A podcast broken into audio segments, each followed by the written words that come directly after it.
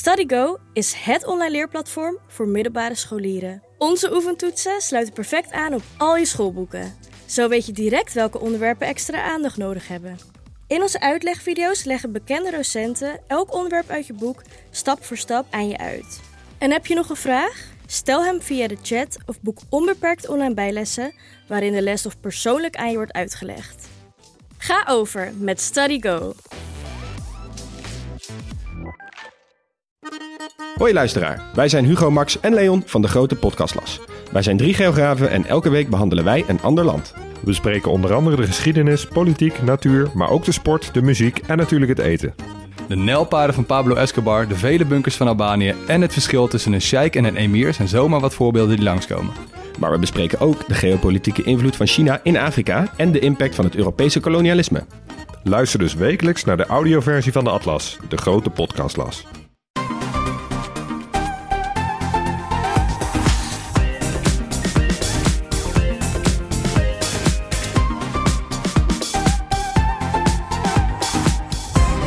Welkom bij de Bright Podcast van woensdag 14 september. Uh, met de, natuurlijk, zoals altijd, de trending topics in tech. Mijn naam is Tony en vandaag uh, schuiven we virtueel hier aan Floris. Hey. En vanuit Groningen, jawel, er is die Rutger. Mooi. Ja, het is de dag dat de eerste iPhone 14 reviews online gaan. Ook die van ons, dus ga vooral kijken.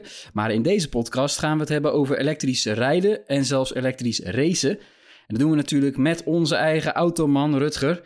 Uh, verder in het technieuws deze week een miljardenboete voor Google, een nieuw soort Sonos product en iPhones kunnen binnenkort opladen met zoveel mogelijk groene stroom. We gaan beginnen. Rutger Middendorp, een van onze persoonlijke helden. Uh, hij test al 12 jaar auto's voor Bright. Ik heb het nog even opgezocht. Begon allemaal met een, uh, de eerste Nissan Leaf. Uh, de komende weken is hij samen met David en Bram te zien in een nieuw tv-programma, Bright op banden op RTL Z en RTL 7. Heel veel verschillende uitzendtijdstippen, dus je kan het eigenlijk bijna niet missen tijdens het zeppen. een van de vaste items in Bright op banden is Rutgers stroomcursus met alles wat je moet weten over elektrisch rijden. En hij ging ook voor ons op pad voor meerdere items, waaronder naar de Formule E. Maar eerst natuurlijk even over Bright op banden, Rutger. Uh, ja, de naam heb ik geloof ik zelf ooit bedacht. Gefeliciteerd. Ja, dit, dit, klinkt goed, hè? Ja. Wat, wat, wat, is het? Uh, nou ja, ik weet niet of alle luisteraars weten wat lineaire televisie is. Dat is wat gewoon op het kastje verschijnt zonder dat je iets aan hoeft te klikken. Daar is het voor. Ja. Uh, heel ouderwets. Maar uh, nee, het is een het is een tv-programma en omdat het voor tv is, zit het net een beetje anders in elkaar. De lengte is anders. Vooral er is meer interactie tussen presentatoren. Dus David, ik en Bram zitten samen ook in een aantal van die van die items. En het is natuurlijk een beetje meer op uh, entertainment gericht dan, uh, dan alleen informeren, denk ik. Um, dus en het is ook, ook voor ons een beetje uitvogelen, soort van wat lekker werkt uh, als je het voor televisie maakt. Dus voor ons is het ook een heel leuk avontuur. Ja, want Bram die test natuurlijk allerlei uh, soorten lichte kleine elektrische voertuigen, ook al jaren. David is de e-bike expert van Nederland, dat is echt niet overdreven. Hij zit vooral op, op de e-bikes en jij op de auto's. En dat doen jullie ook al heel lang. Maar niet zo vaak dat jullie samen kwamen op dezelfde plek nee. om met die voertuigen aan de slag te gaan. Hè? Nee, true. Ik denk ik heb één keer eerder met David elektrische motoren gedaan. En met Bram nog nooit een video gemaakt. Dus het is heel leuk omdat je ook allemaal toch net een andere kijk hebt op voertuigen. En vooral, nou, ik wil niet te veel spoilen zeg maar. Maar er, is, er zit ergens een type voertuig in. Dat eigenlijk tussen alle drie onze interesses in zit. En daar doen we een uh, test mee. Ja, dat is gewoon heel leuk om te zien dat we daar eigenlijk allemaal heel verschillend uh, in staan. Uh, in de eerste uitzending, ja, die was al te bekijken en is ook helemaal online terug te kijken op allerlei platforms. Videoland, RTL Nieuws. daar ging jij langs in Berlijn bij de Formule E, het elektrische racekampioenschap. ja, wat, wat waren je verwachtingen en zijn die een beetje uitgekomen? Nou, ik moet zeggen dat ik van tevoren niet had gedacht dat ik het erg leuk zou vinden. Dan moet ik zeggen dat ik ook wat bij een Formule 1-wedstrijd ben geweest live. Toen dacht ik ook, oh, dit kun je eigenlijk beter op televisie volgen, zeg maar. Dan weet je wat er aan de hand is. Maar het viel me op een heleboel manieren eigenlijk heel erg mee. Allereerst denk je van, nou, het grootste verschil zal wel zijn het geluid. Nou, dat is echt helemaal niet zo. Want die, die elektrische auto's, als ze met z'n allen en heel vaak met z'n tienen tegelijk langskomen rijden, dan is het echt een, een soort gezoef wat langskomt. Heel indrukwekkend. En als ze remmen om te, te regenereren, dan maakt het ook echt een heftig geluid. Dus er zit best wel een tof geluid in. Dat was eh, meteen wel een meevaller. Uh, er zitten veel grote namen uh, tussen. En dat is eigenlijk een combinatie van uh, mensen die in andere race-series succesvol zijn geweest. Die bijvoorbeeld 24 uur van Le Mans hebben gereden. een Lottere, een Buemi, zeg maar. Die hebben allemaal succes gehad in endurance races. ook wat ehm, mensen die net tegen die Formule 1 aanhikken of eraan gereden hebben. Robin Freins, een Nederlander. Nick de Vries, Stoffel van Doorn, een Belg. Uh, ook uh, Antonio Giovinazzi, die vorig jaar voor Alfa Romeo reed, die rijdt nu Formule E.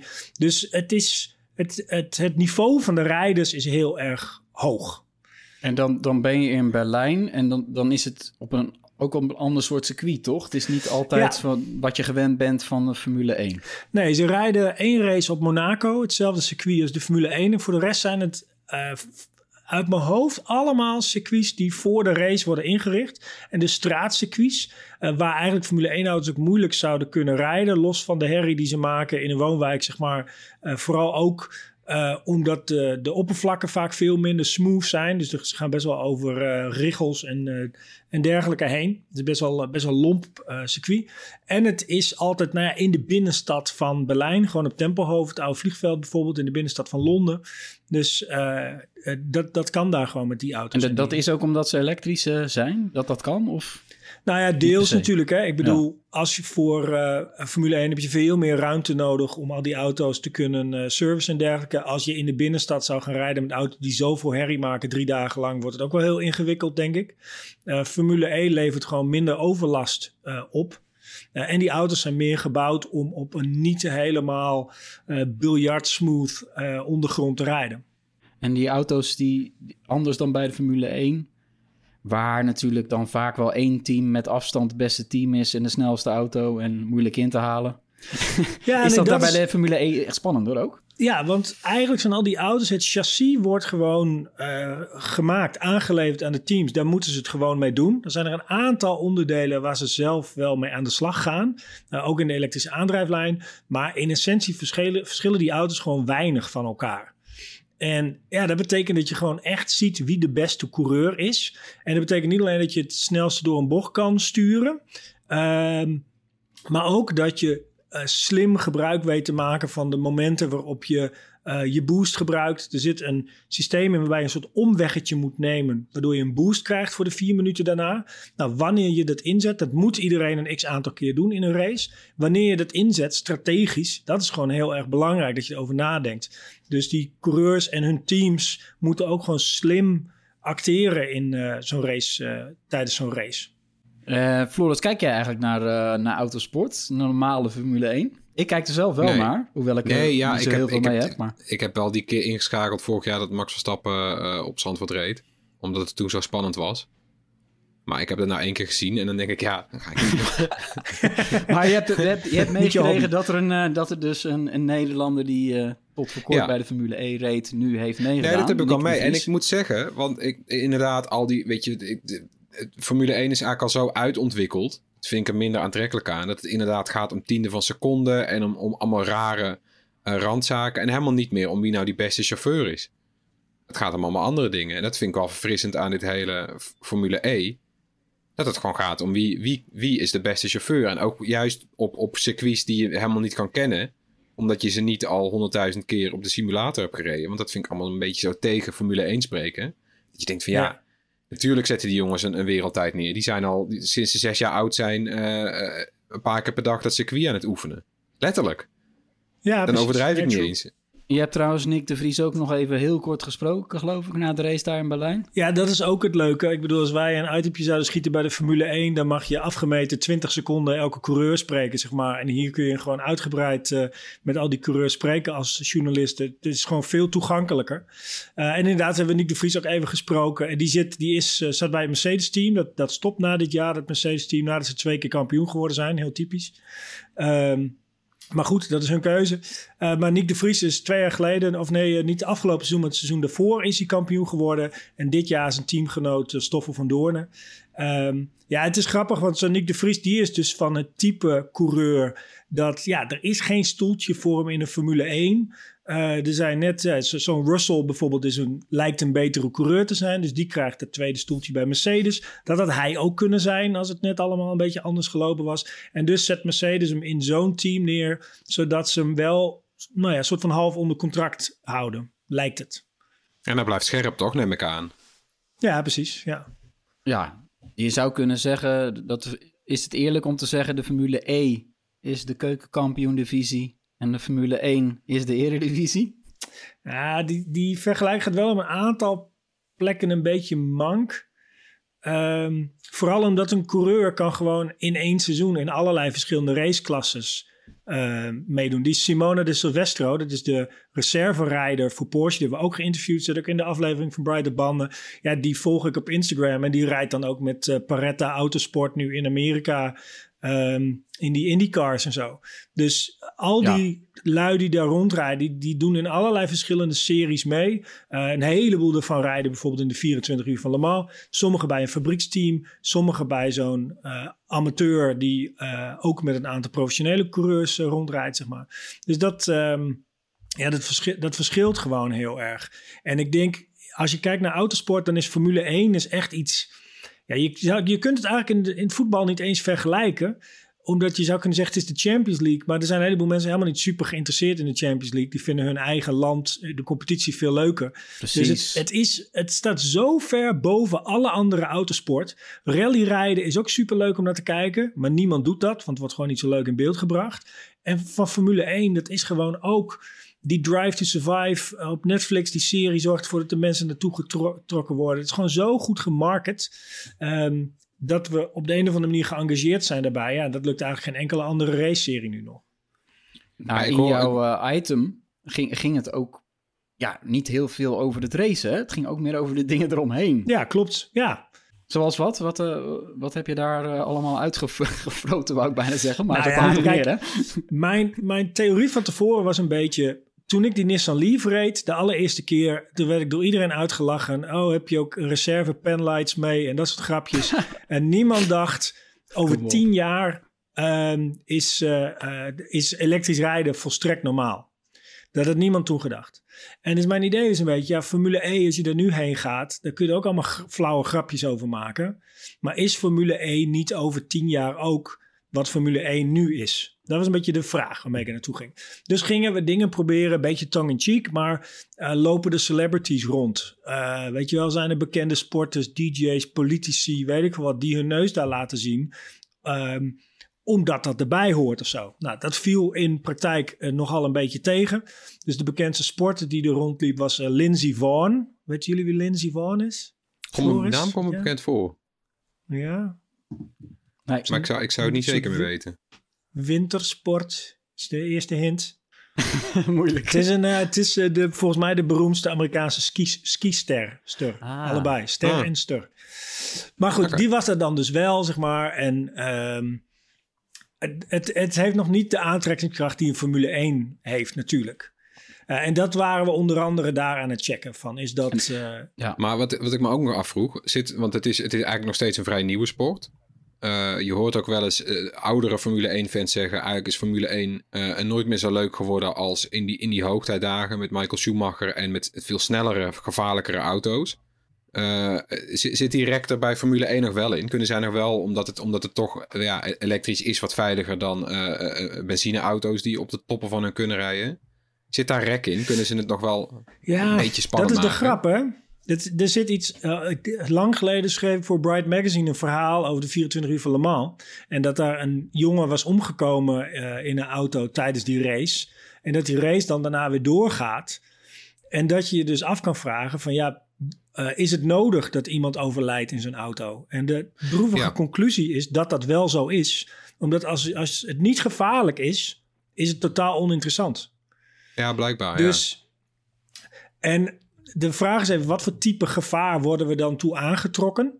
Eh, nou, we vinden het toch wel heel onprettig als er iemand overlijdt, zeg maar. Dat is echt niet, niet, niet fijn. En tegelijkertijd maakt dat het dus heel erg belangrijk. Als je nu kijkt naar Formule E, dan is de kans dat daar iemand echt heftig geblesseerd raakt volgens mij heel erg klein. Ze hebben daar die halo's, hebben ze ook al, die, die, die beugel over de cockpit. De, Ja. de, de snelheden zijn lager, want het zijn korte, bochtige circuits.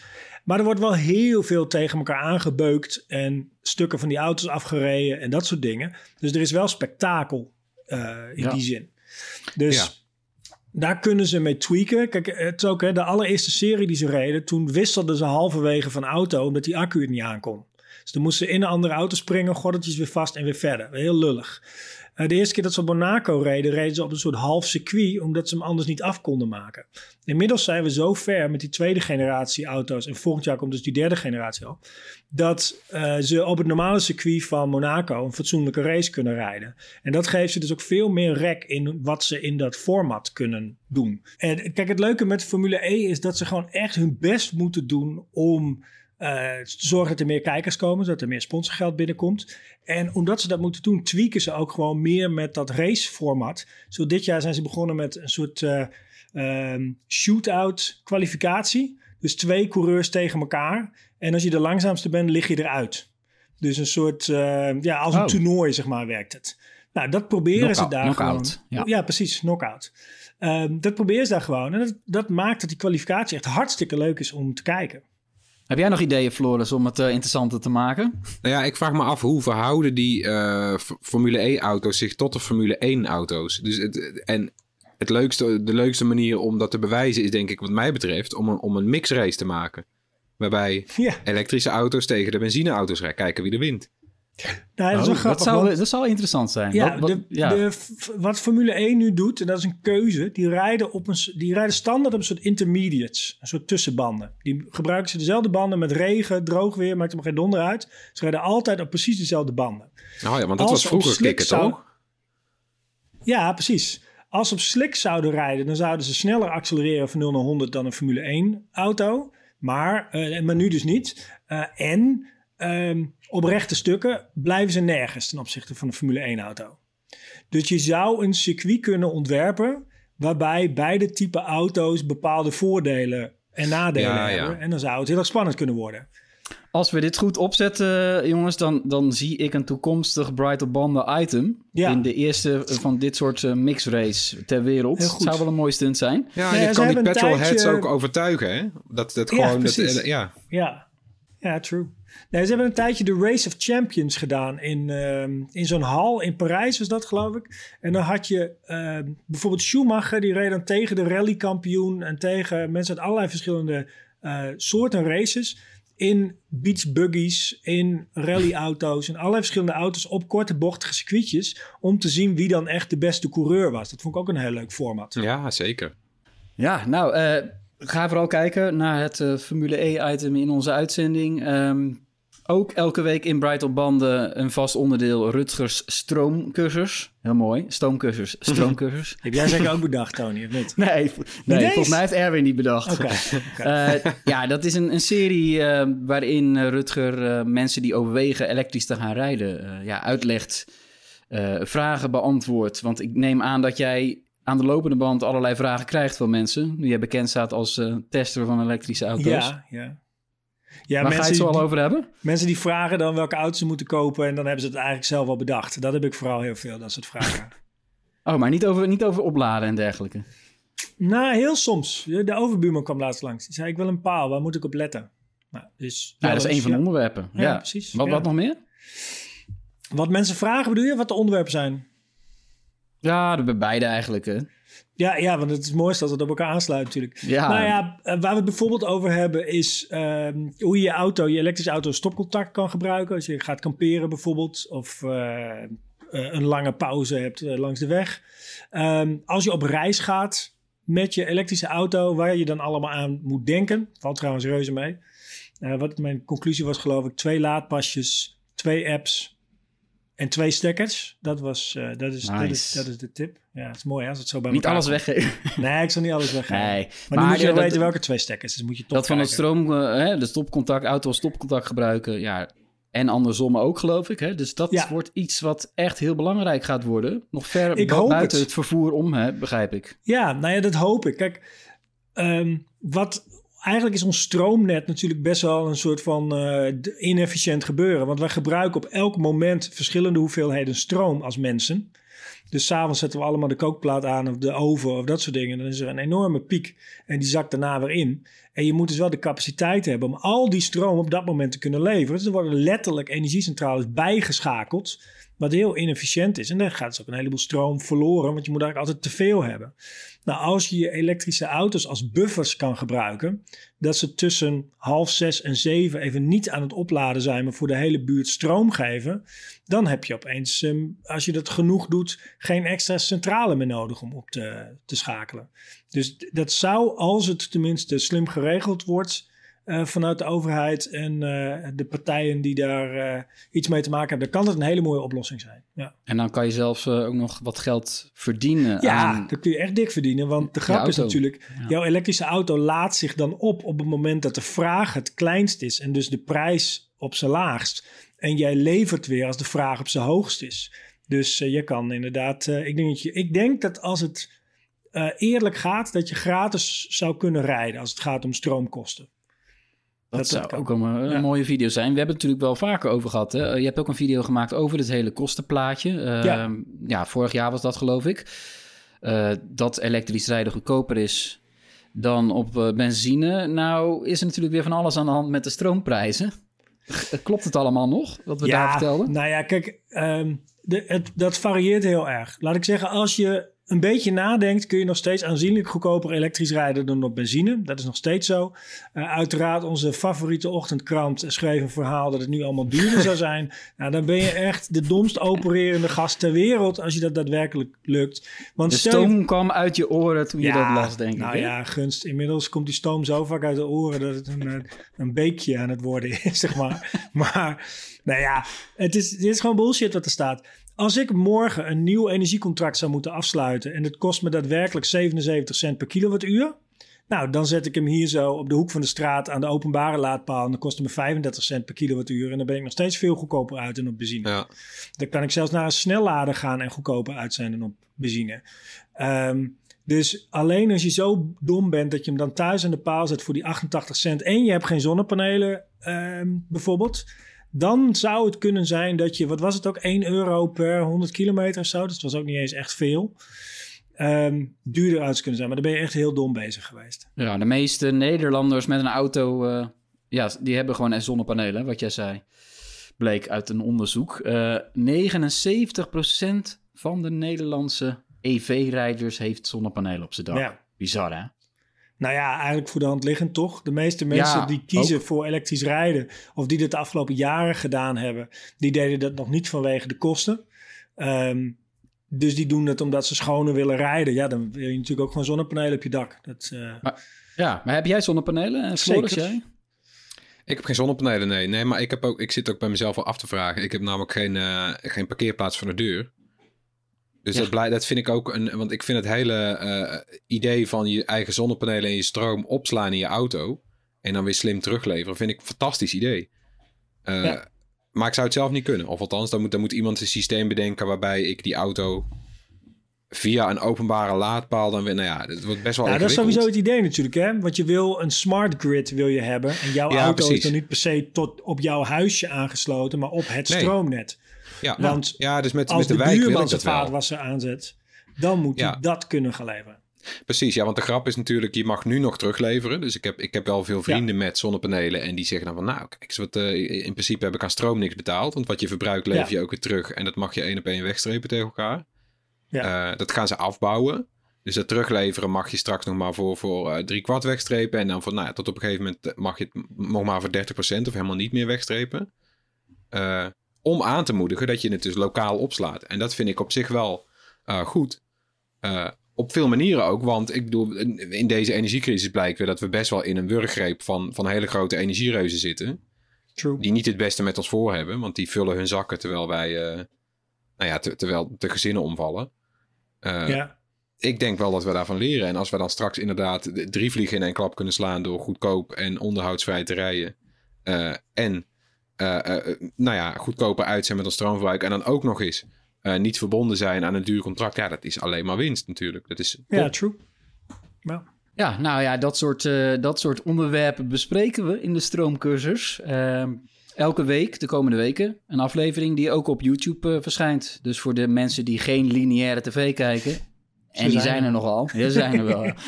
die kunnen ze ook gewoon eh, op eh, YouTube vinden. En als je vragen hebt voor Rutger, kan je die daar natuurlijk ook altijd in de comments kwijt. Dat gebeurt ook al eh, regelmatig.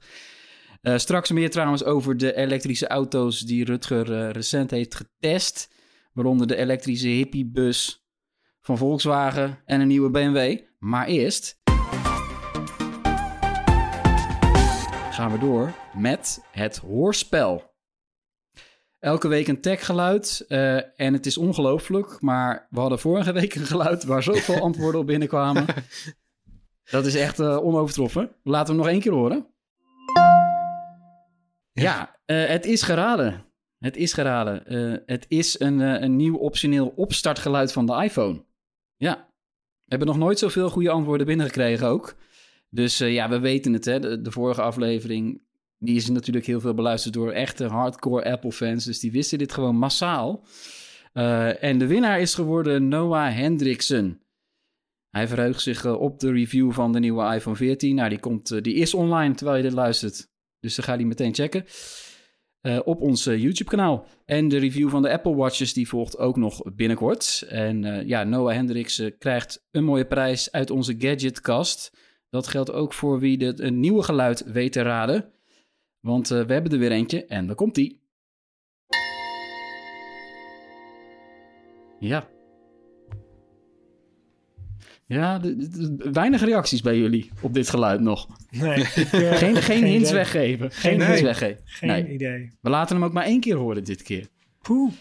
Als je, Je, denkt weet te weten wat dat was... dat weet je. Dat Ja, gewoon- precies. Ja. Daarom, daar doen we, doe het maar één keer. Eh, als je weet wat het is, eh, stuur je antwoord naar podcast.bright.nl. Onder de mensen die het juiste antwoord hebben ingestuurd, verloten we een fijne prijs. Ja, elke maand test Rutger voor ons een andere auto in de Bright duurtest. eh sinds 2010. Elke maand een andere. En sommige maanden zelfs twee auto's. En eh, onlangs was de Volkswagen ID Bus eindelijk aan de beurt. Eh, daar hebben we echt lang op, op gewacht. Zo. Het elektrische busje van Volkswagen. Eh, jij stond echt te stuiteren om er naartoe te gaan, geloof ik. Hè? Je moest ervoor naar Kopenhagen, meen ik. Ja. Nee, klopt. Ja, het, het- hij wordt sinds 2000 wordt tease Volkswagen eigenlijk al een elektrische bus gebaseerd op hun eh, hippiebus, om maar even zo te noemen. En die stond er nu eindelijk in de vorm van de ID Buzz, de elektrische bus. En, en heeft het de bus waargemaakt? Oh, ehm, ja, ja en nee, mag ik dat zeggen? Ik kijk, het is, een, het is om je vingers bij af te likken, dat ding gewoon om te zien. En als je erin zit, dan- hebben ze alle details zo vormgegeven dat je echt het idee hebt van, ehm, yes, we gaan op roadtrip en, Precies. en, en vage boeken lezen en drugs doen of zo, zoiets. Eh, dat gevoel. Maar wat ik Je hebt er wel de baard voor. ja, ja, precies. On the Road van Jack Kerouac. eh, Ja, precies. nadoen, precies.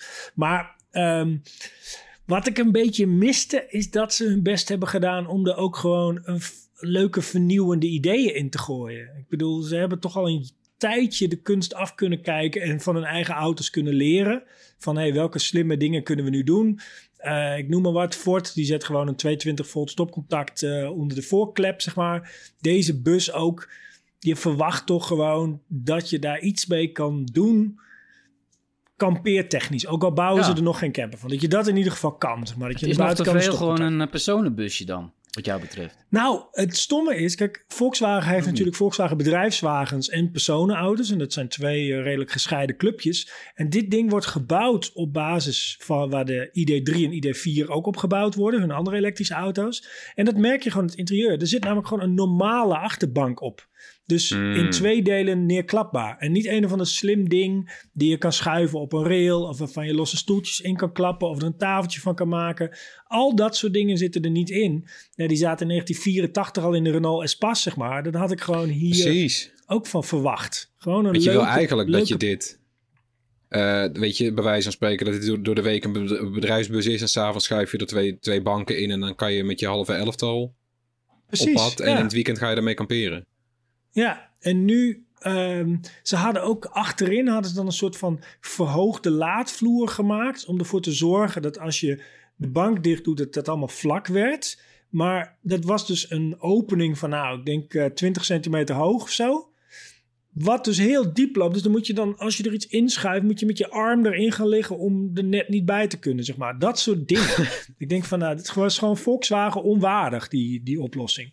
Dus ja, ik, ik heb echt het idee dat daar meer te halen is. En ik hoop ook dat ze met een facelift, zeg maar, daar een beetje mee aan de slag gaan. Dus op het moment dat deze ID-bus echt gereviewd wordt, dagen, weken lang, in plaats van op die pers-events waar je een dag ermee op pad mag, dan, ja, dan zal er aardig wat kritiek op gang gaan komen. Ja, en ik, ik heb sowieso wel veel kritiek gehoord hoor. Over het algemeen, kijk, het is een heel fijn rijdend busje en hij ziet, ziet er super lekker uit. En hij is veel ruimer dan een ID4, zeg maar. Dus ja, ehm, het is op een heleboel manieren, is het, het is ook de enige in zijn klasse. Je kunt voor dit bedrag ook een busje kopen bij Toyota of Opel of Citroën. Ja, daar is echt geen flikker aan, dat busje. Deze ziet er in ieder geval Ja, die zijn gewoon nog- lelijk, toch? Laten we ja, eerlijk het zijn. is gewoon suf en, en saai en zit 13 in een dozijn. En deze is dat niet. Ziet er gewoon lekker uit. Is van binnen ook gewoon fris vormgegeven. Maar die extra stap hebben ze gewoon niet gemaakt. Ja, dat is, dat is een beetje jammer. Ja, en daar zijn we wel lekker voor 20 jaar gemaakt eigenlijk, teased, toch? Ja, Precies, precies. ja. Ja. Want ik, ik ben toen 20 ik jaar begon teasen als, en dan eh, dit. Een van de eerste artikelen die ik schreef toen ik bij Bright begon als stagiair, twaalf jaar geleden of zo, was over, over dit busje. Eh, ja, En toen liep je daar ook al over te stuiteren, zeg maar. Dat, ja, je dacht van dit wordt vet. Het ziet er inderdaad uit als een soort futuristische versie van dat hippiebusje. Het is het deels geworden, Ja. wat mij betreft niet genoeg. Ik vind een, t- t- toch iets te veel een, een best mooi busje.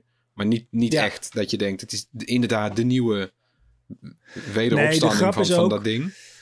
Ze stonden daar ook in, niet in duotoon. Dus eh, de meeste die je ziet zijn wit van boven en een andere kleur van onder. En dan stond hij er ook Ja. bijvoorbeeld in helemaal grijs. Nou, dan is er helemaal niks aan. Dan is het helemaal geen Nee, spannend ontwerp. Ja, je moet wel de oranje hebben, toch? Ja, zoiets. Of geel of, of eh, die mintgroen of zo, zoiets. Maar nee, er is niks aan als hij gewoon in één kleur is. Dus dat, dat is wel... Terwijl dat natuurlijk bij het originele busje wel zo was. Had je die raampjes bovenlangs die hem interessant maakten. Daar, Ja. daar gebeurde gewoon wel heel wat, ja. Dus eigenlijk moeten ze gewoon meer concurrentie ook krijgen, zodat ja, die prijs ook naar beneden gaat en dat ze wat meer hun best doen.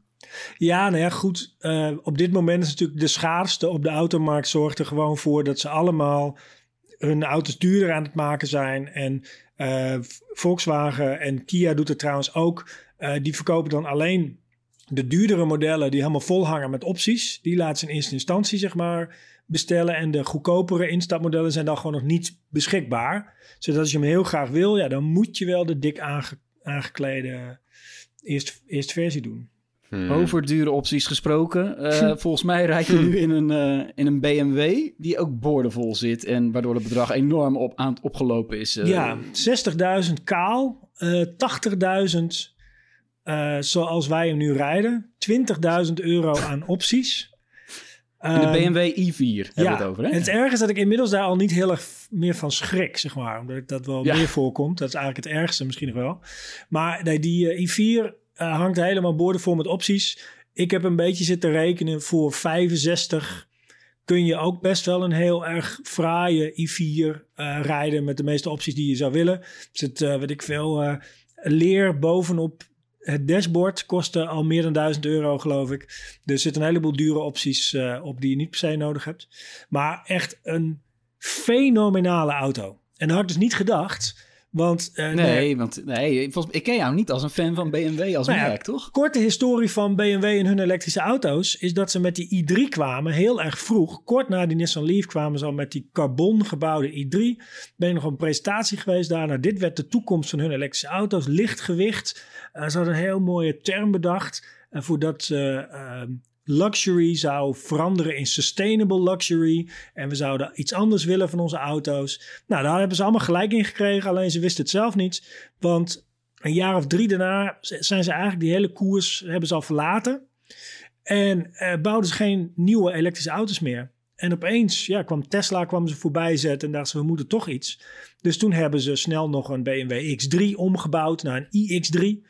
Eh, en die iX is er gekomen en nu dus deze. Maar het zijn allemaal auto's die niet zoals de i3 van de grond af op een elektrisch onderstel gebouwd zijn. Dit zijn allemaal in essentie omgebouwde benzinewagens.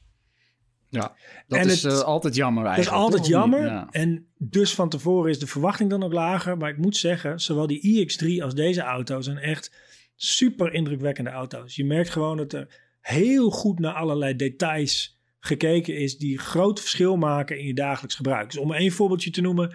ehm, de, bij een elektrische auto kun je ervoor kiezen als je het gas loslaat dat die afremt. En vaak kun je instellen hoe heftig die dat doet. Dus je kunt soms met één pedaal rijden. Dat eh, gas los is eigenlijk hetzelfde als remmen. En deze kun je instellen op adaptief. En als ik dan een voorganger heb, dan remt hij wel als ik het gas loslaat. Als er een bocht komt, remt hij wel als ik het gas loslaat. Maar als ik de weg voor me vrij heb en ik rijd 60 waar ik 80 mag en ik laat het gas los, dan rolt hij gewoon uit. Dus dat soort slimme dingen zitten er allemaal in en die maakt het gewoon heel prettig om te leven met die, eh, met die auto. Dus volgens mij had jij ehm, het magnifiek genoemd. Dat herinner ik me nog. Eh, want Magnifiek, het mooie, is, ja, het mooie is bij die duurtest, daar schrijf je altijd meerdere artikelen over, als een wekelijks op de update. En Ja. een van de vaste onderdelen is natuurlijk de rijervaring. ja, Het hoort, ja, het is hartstikke belangrijk. En daar scoort hij dus gewoon ontzettend goed. Ja, ja ik, ik- die, de Mustang Mach-E die we vorige week, eh, vorige maand reden, daar stapte ik uit. En toen in die BMW i4, nou het was alsof ik een andere realiteit instapte. En ik had een maand lang, dacht ik, nou die Mach-E is een beetje hard geveerd, maar best wel een fijne auto. Nou, ik zat eh, drie seconden in die BMW. Ik dacht, oh, oh nee, dit is, dit is het leven. Oh, zo moet het eigenlijk. Ah, ja. nou ja, precies. Dus eh Ja. maar ja, goed, voor die prijs mag, nou, mag ja, hij, is net zo duur als die Mach-E GT, hè? Oh ja, die GT. die van- GT is versie, ook ja. 80k. Daar Zonder komt ook nog een video van. Ja. En deze BMW ook. eh, op ons YouTube-kanaal. Dus blijf het volgen. De bel aanzetten. Er komt van alles nog op je af qua elektrisch vervoer. Want hoewel er niet zoveel grote aankondigingen volgens mij zijn te verwachten de komende maanden.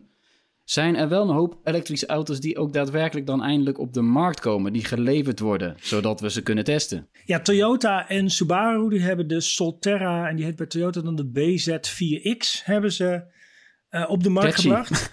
Die zijn, ja, BZ4X. Het is net als bij vaatwassers en wasmachines. Die hebben ook nooit leuke namen. Merk. Dus als iets dan de BZ4X heet, dan denk ik toch meteen dat het een soort wasmachine is om te rijden. Maar goed, dat, eh, dat weten we nog niet, want ik heb nog niet gereden. Maar ehm, die komen eraan. Net een enorme recall op geweest, dus het kan nog even duren. Maar ik ben wel heel benieuwd wat Toyota na jarenlang haten op de elektrische auto ervan gemaakt heeft. Ben ik heel benieuwd. Ja, naar. want die, die, die doen het echt met tegenzin, hè? Die elektrische auto's maken. Zo, waterstof wordt het, waterstof wordt het. Oh wacht, hier is onze elektrische auto. Dat is Toyota. Ja. Dus ehm, ja, dat, dat, daar ben ik wel benieuwd naar. Ehm, de Polestar 3 komt eraan.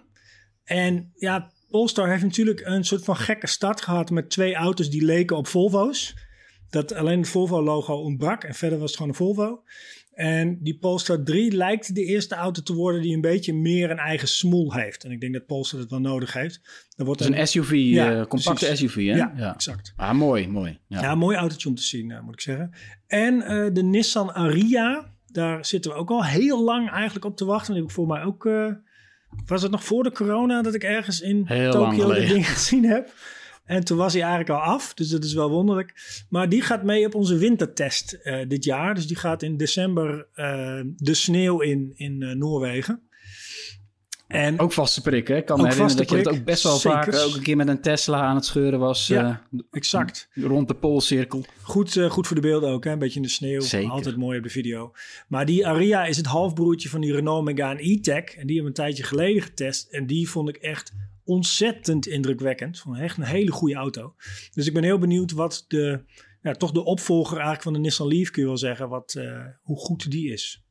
En ja, dan tot slot eh, wordt het niet eens tijd, dacht ik, eh, om eh, elektrische pick-up trucks te gaan testen. Want we hebben er wel regelmatig wat over geschreven de afgelopen jaren. En we kijken natuurlijk uit naar de Tesla Cybertruck. Maar Ook Ja. daarover nog geen goed nieuws. Maar ja, is dat een categorie om naar te kijken? Het is een beetje dubbel. Hè? Kijk, in Nederland hebben we opeens eh, allemaal pick-ups in eh, ons straatbeeld. Omdat dat eh, een soort loophole is in de belastingregeling. Dat je zo'n belachelijke ram kan kopen en daarmee rondrijden in een buurt vol met fietsende kinderen, zeg maar. En dat dat gewoon toegestaan is. Ja, Daarom hebben we in Nederland pick-ups, terwijl we die nooit gehad hebben.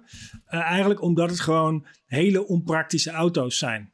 Als je kijkt naar een Mercedes Sprinter voor de helft van het geld, zeg maar, is dat gewoon een veel handiger bedrijfswagen om te hebben in 99% van de gevallen. Dus de pick-up is hier geheel terecht nooit heel erg populair geweest. Hij begint nu populairder te worden, maar in feite is dat vanwege een belastingloophole. Dus ik denk ook niet dat de elektrische pick-up truck per se ook heel populair hier gaat worden. Aan de andere kant, als je eerst een Dodge Ram hebt eh, gereden en dat bleek een eh, goede remedie voor je kleine lid, zeg maar, dan, ehm, dan is een elektrische pick-up truck Ja. misschien ook wel. Ja, maar deel van maar de er lol komen wel van een die paar leuke aan. is de motor toch eigenlijk? Dat is waarom die jongens het doen volgens mij. Want je hoort ze van verre aankomen. Nou ja, en hij ook gewoon, hij is iedereen. groot. En er kan een grote zwarte velgen, een geblindeerde Ja, ruiten. dat wel. Het En lijkt net een schaalmodel, hè? Iets grotere Ja. schaal. Elke keer als ik er een zie, denk ik, wat is het belachelijk. Er zit ook altijd zo'n eh, ja. zo'n opstapje in. ja, klopt. Je- Nee, het is Nou ja, zinloze dingen zijn het natuurlijk. ja, Maar het is goed, leuk als je eh, een range hebt, maar ik ken, ik ken niemand met een range. Kijk, het, voor Nederland is het gewoon niet zo super relevant. Ik zag toevallig dat eh, in Nederland ze nu een Ford F-150 Lightning, de elektrische F-150, hadden staan bij de Ford-importeur. Eh, dus misschien dat we daar wel even iets mee moeten doen. Want kijk, psychologisch is het wel heel belangrijk dat die auto's er- komen. En misschien niet primair in Nederland, maar in Amerika zeker. Want als die F-150 gewoon wordt superveel verkocht, eh, is eh, er gelden andere regels daar voor trucks dan voor auto's. Waardoor het heel interessant is om zo'n ding te kopen. En dat daar een elektrische variant is van de meest verkochte pick-up truck sinds uh, mensenheugenis ongeveer. Dat is super belangrijk. Ja. En wat ik ervan gezien heb, heeft Ford het gewoon ook super goed aangepakt met dat ding. Is het gewoon echt een, uh, een, een veel handiger apparaat om te hebben. Uh, zonder dat je iets van het stoere verliest wat mensen zo belangrijk vinden. Nou, nou ja, mooi voor onze to-do-list, toch? Kijken of Zeker. we er eentje kunnen oppikken. Ja, en de die. Rivian staat natuurlijk ook wel een beetje op de... Zeker. Dat is toch de, Ja. de pick-up Tesla, zeg maar. Ja, Ja. en die Cybertruck, nou ja, dat kan wel even duren nog steeds. ja, precies. Ja. Ja, dan is het tijd voor een, eh, een rondje kort technieuws. Eh Google die moet een recordboete van 4 miljard euro eh, betalen wegens machtsmisbruik met Android. Dat heeft het Europees Hof van Justitie woensdag na jaren beraad dan eindelijk besloten. Google dwingt smartphonefabrikanten om bepaalde eh, Google-apps eh, mee te installeren eh, als ze van Android gebruik willen maken. En dat willen ze natuurlijk allemaal. De uitspraak is een opsteker voor de Europese Commissie. Die probeert al jaren een vuist te maken tegen de techreuzen vanwege allerlei vormen van marktverstorend gedrag. En nu is dan eindelijk die boete van 4, miljoen, 4 miljard euro is er dan. 4 miljard. Ja, Ja. ja, het is een hoge boete. Ja, de, grap is, hij is inderdaad in 2018 al opgelegd. Eh, dat was ver voordat de eh, Europese Commissie eh, echt slagkracht had. Dus dan moesten ze echt moeilijke zaken maken. Ze hebben eerder dit jaar hebben ze nieuwe, nieuwe wetten aangenomen, waardoor het veel makkelijker moet worden om zulke techbedrijven aan te pakken. Dat het voor die techbedrijven ook overzichtelijker is wat ze wel en niet mogen hier in Europa.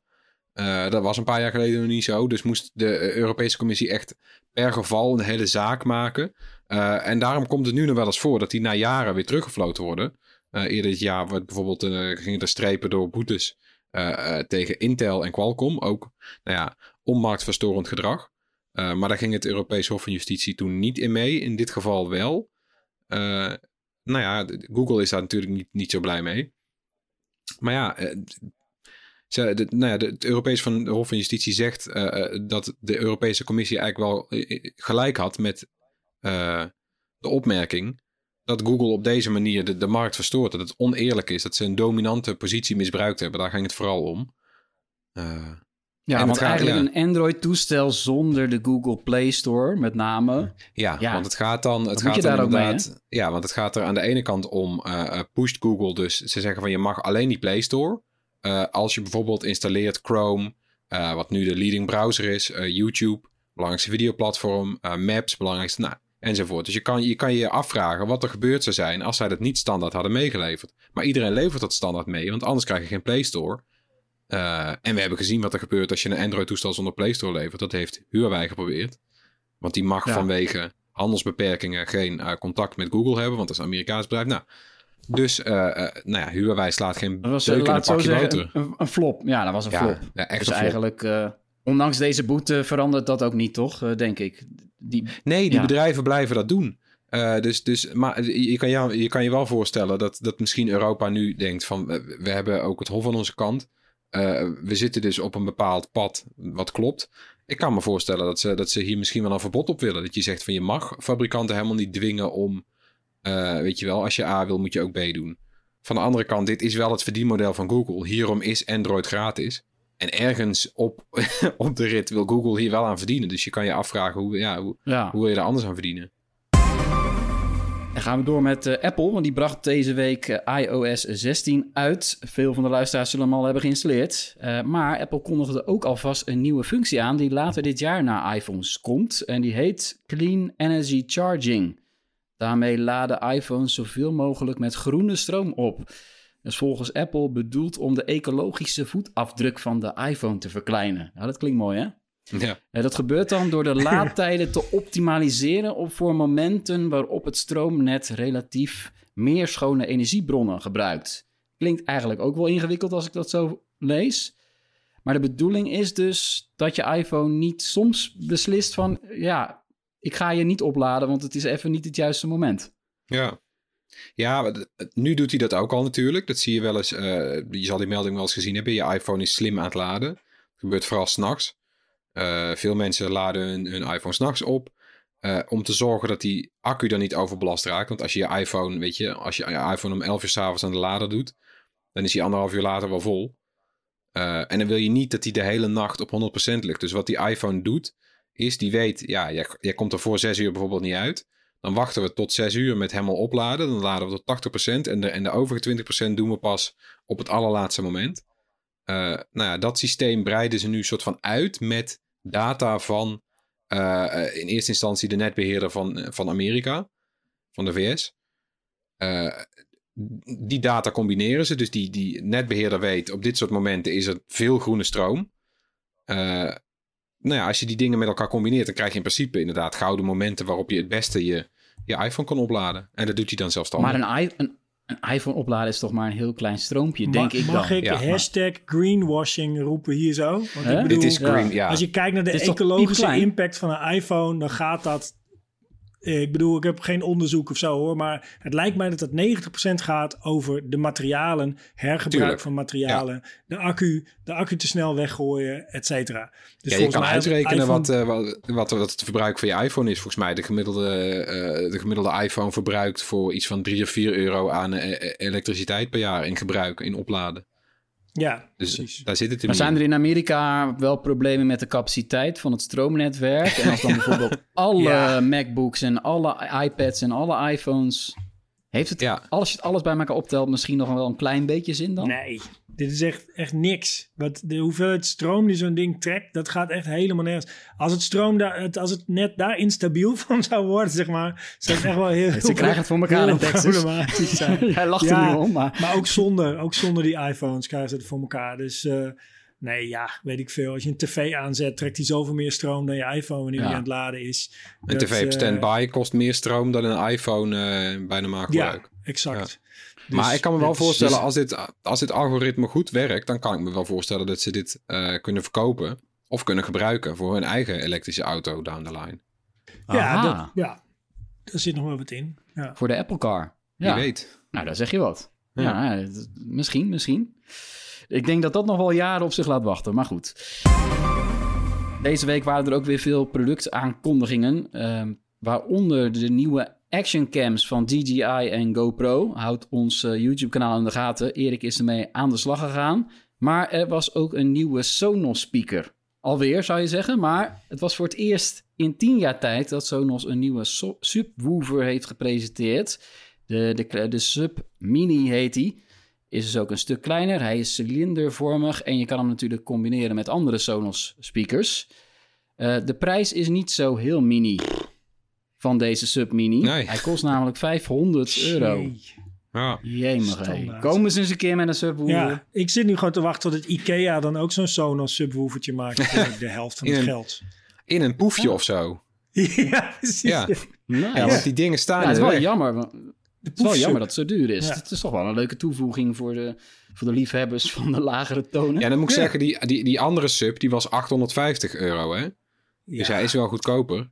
Eh, ja, ik moet zeggen, ook als je dan bijvoorbeeld een, een pakket maakt, want de, de beste soundbar die ze hebben is die Sonos Arc. Die is ook al richting de 900 euro volgens mij. Ja. Ik kan goedkopere combinaties, eh, eh, soundbar en subwoofer met leuke Atmos ondersteuning eh, aanraden dan, eh, dan dat duo. Ja, Maar ja, het is Sonos, goed, het is voor de mij premium ook wel, brand. Ja. Nou ja, en het is ook wel een beetje de Philips Hue ervaring van audio. In de zin van dat Ja. dingen werken gewoon met elkaar. Je hoeft niet nadenk, na te denken over... oh, moet ik nu Bluetooth uitzetten hierop om dan dit aan te... Dat Nee. hoeft allemaal niet, het werkt gewoon. En ja. dat is me dan over het algemeen ook wel wat waard. Maar ehm, ik vind subwoofers sowieso wat overrated in de meeste huiskamers. Maar het is wel fijn dat je nu voor 500 euro kan... in plaats van voor eh, 800, eh, weet ik veel. Ja. Ja, wie weet eh, komen we daar nog op terug als we hem getest hebben binnenkort. En dan is het zoals elke week weer tijd voor onze tips. Eh, met wie zullen we beginnen? Floris, met jou. Ja, mijn tip is, eh, gaat ook weer over iOS 16 een beetje. Want de headline functie van iOS 16 is dat nieuwe lockscreen. Dus zie je allemaal mensen in de weer met nieuwe wallpapers. En de Icon Factory is ook een, een appmaker voor eh, ja, een maker van Mac apps en iOS apps. En die hebben een nieuwe app, Wallaroo. Eh, en dat is een wallpaper app. En eh, je krijgt elke week nieuwe wallpapers. Als je er meer wil, moet je betalen. Er zitten geen advertenties in. En het zijn allemaal wel mooie wallpapers die echt gewoon door, door kunstenaars en artiesten zijn gemaakt. Die passen goed bij de resolutie en de verhoudingen van iPhones. Dus het zijn ook wel echt ja, mooie dingetjes. En die app is gratis te downloaden. Leuk om even te checken. Je gaat het misschien zelfs uiteindelijk betalen voor een wallpaper. Ik denk ik zelf niet, Nee, maar, het is, het is, nee, maar ik denk dat veel luisteraars dit wel leuk vinden om even, even te checken. Ja, iedereen is natuurlijk druk aan de slag met eh, al die verschillende iOS-dingen. Ik moet er ook Ja. nog heel erg aan wennen. Dus heel erg aan wennen. dat die notificaties onder in het scherm binnenkomen. Ja, dat ja, zullen ja. heel veel mensen hebben. Ja. Heb jij dat al, eh, Rutger, of eh, doe je daar niet aan? Zekers, zekers heb ik dat. Ik ben al helemaal bezig geweest met verschillende lockscreentjes te maken. Ik, ik vind het ook treurig hoor. Dat je dus, oh, iOS 16 komt. Wow, wat kun je nu allemaal wel? Ja, je kan iets wat je op Android al 100 jaar kan, kun je nu ook. En dan gaan we er helemaal crazy over. Maar ik word er toch enthousiast van. Ik, ik word vooral enthousiast van ehm, dat ik gewoon kan zien hoe warm het nu buiten is in één oogopslag. Dat ik niet helemaal mijn pols op moet tillen om dat op mijn Apple Watch te zien. Dat vind ik heel fijn. Dat vond ik altijd te veel werk. Nou, jouw tip, Rutger. Ja, ik heb een Heb boek. je er eentje voor ons? Ik heb een boek. Ja. This is How They Tell Me The World Ends van Nicole. Ja, dan weet ik niet of het op zijn Engels gaan doen. Pearl Roth of Pearl Roth of zoiets. Ehm, maar goed, eh, This is How They Tell Me The World Ends. Het gaat over cyberwarfare, over hacken, over hoe we oorlog voeren anno eh, 2022. En in het kader van eh, eh, wat er in Oekraïne allemaal gebeurt, natuurlijk ook super interessant. Ehm, om, eh, eh, om te lezen. En het is een beetje alsof je in een spy thriller duikt. Dat blijkt dus ook dat er een hele wereld is. Als je James Bond film kijkt, zo dat er een hele wereld is met mensen die allemaal dingen stiekem doen en die veel meer weten dan wij en weet ik veel wat. Ehm, en dat is dit ook. En dan echt. En dan gaat het over cyberwarfare en hoe kwetsbaar we zijn als land en wie de spelers daarin zijn en wie de brokers zijn en wie de, de hackers zijn en hoe de inrollen. Het is echt een fascinerend en heel goed eh, geschreven boek. En waarschijnlijk ook wel verontrustend als je het uit hebt. Dat je denkt van, ja. De het kan elk moment afgelopen zijn. Nou, het fijne is dat de titel gewoon wat dat betreft meteen wel een soort framework zet. This is how they tell me the world ends. Dat je Ja. weet van oké, het wordt geen funny ride, maar het ding is als je er eenmaal in zit, is het toch ook gewoon een soort jongensavonturenboek op een bepaalde manier. Ah, Oké, dus het is niet te somber. En... Nee, kijk, Ja. zij komt op een hackersconferentie en dan wil ze mensen gaan spreken. En niemand wil met haar praten in eerste instantie. Maar op een gegeven moment is er één gast en die zet een klein deurtje open. Dan gaat zij zeg maar op zoek en komt ze toch bij de mensen terecht die ertoe doen. En dat is gewoon super tof om die, eh, die rit mee te maken. Ja, nou heel mooi. Ehm, Wat heb jij, Tony? Ja, ik maak me er echt makkelijk vanaf aan het eind van deze podcast. Eh, Erwin's iPhone 14 review, die moet je natuurlijk gewoon gaan kijken. Dat is gewoon een van de hoogtepunten van het eh Bright-jaar altijd. Eh, Erwin heeft hem als een van de eerste, heeft hij de iPhone 14 en de 14 Pro en de Pro Max kunnen testen. En ja, eigenlijk iedereen met een iPhone krijgt een advies wat je moet doen. Dus ook als je nog een iPhone 11 hebt, van moet ik nou upgraden of niet? Is het dat nou wel waard? Kan ik nog een jaar wachten? Er komt allemaal een antwoord op in die video. Het is eigenlijk ongelooflijk dat het allemaal in één video past. Onvoorstelbaar. Ja, niet te geloven. En dan is natuurlijk ook de tip van, eh, mocht je het nog niet gedaan hebben, eh, een, een, een bel aanzetten op het YouTube-kanaal. Is, is verstandig als je benieuwd bent naar wat we vinden van de Apple Watch Ultra. Wordt ook heel bijzonder. En de nieuwe AirPods eh, Pro. Want daar komen binnenkort ook video's over aan. En de? BMW i4. Ja, en al die Moet auto's. je nog even dat, op wachten. maar- Ja, nee, zeker. Ook dat, ja. Dat moet je even op wachten, ja. ja. We, hebben, we hebben heel veel, heel veel video's in de pijplijn op deze manier. Dus soms moet je even wachten, Rut- Rutger. Er is niks aan te doen. Helaas. Ja, bedankt weer voor het luisteren. Laat gerust iets van je horen. Mail ons op podcast.bright.nl Eh, Als je vragen hebt, bijvoorbeeld over elektrisch rijden dus. eh, of drop, drop ons een DM. Ook mooi, hè? Ja. Drop ons Slide DM. in onze DM's. Ja, op de social kanalen. Tot volgende week. Doei. Doei. Binnenkort een toets? StudyGo is het online leerplatform voor middelbare scholieren. Wist je dat onze oefentoetsen en uitlegvideo's aansluiten op alle schoolboeken? En heb je lesmiddel nog een vraag? Boek een online bijles of stel je vraag via de chat. Ga over met StudyGo.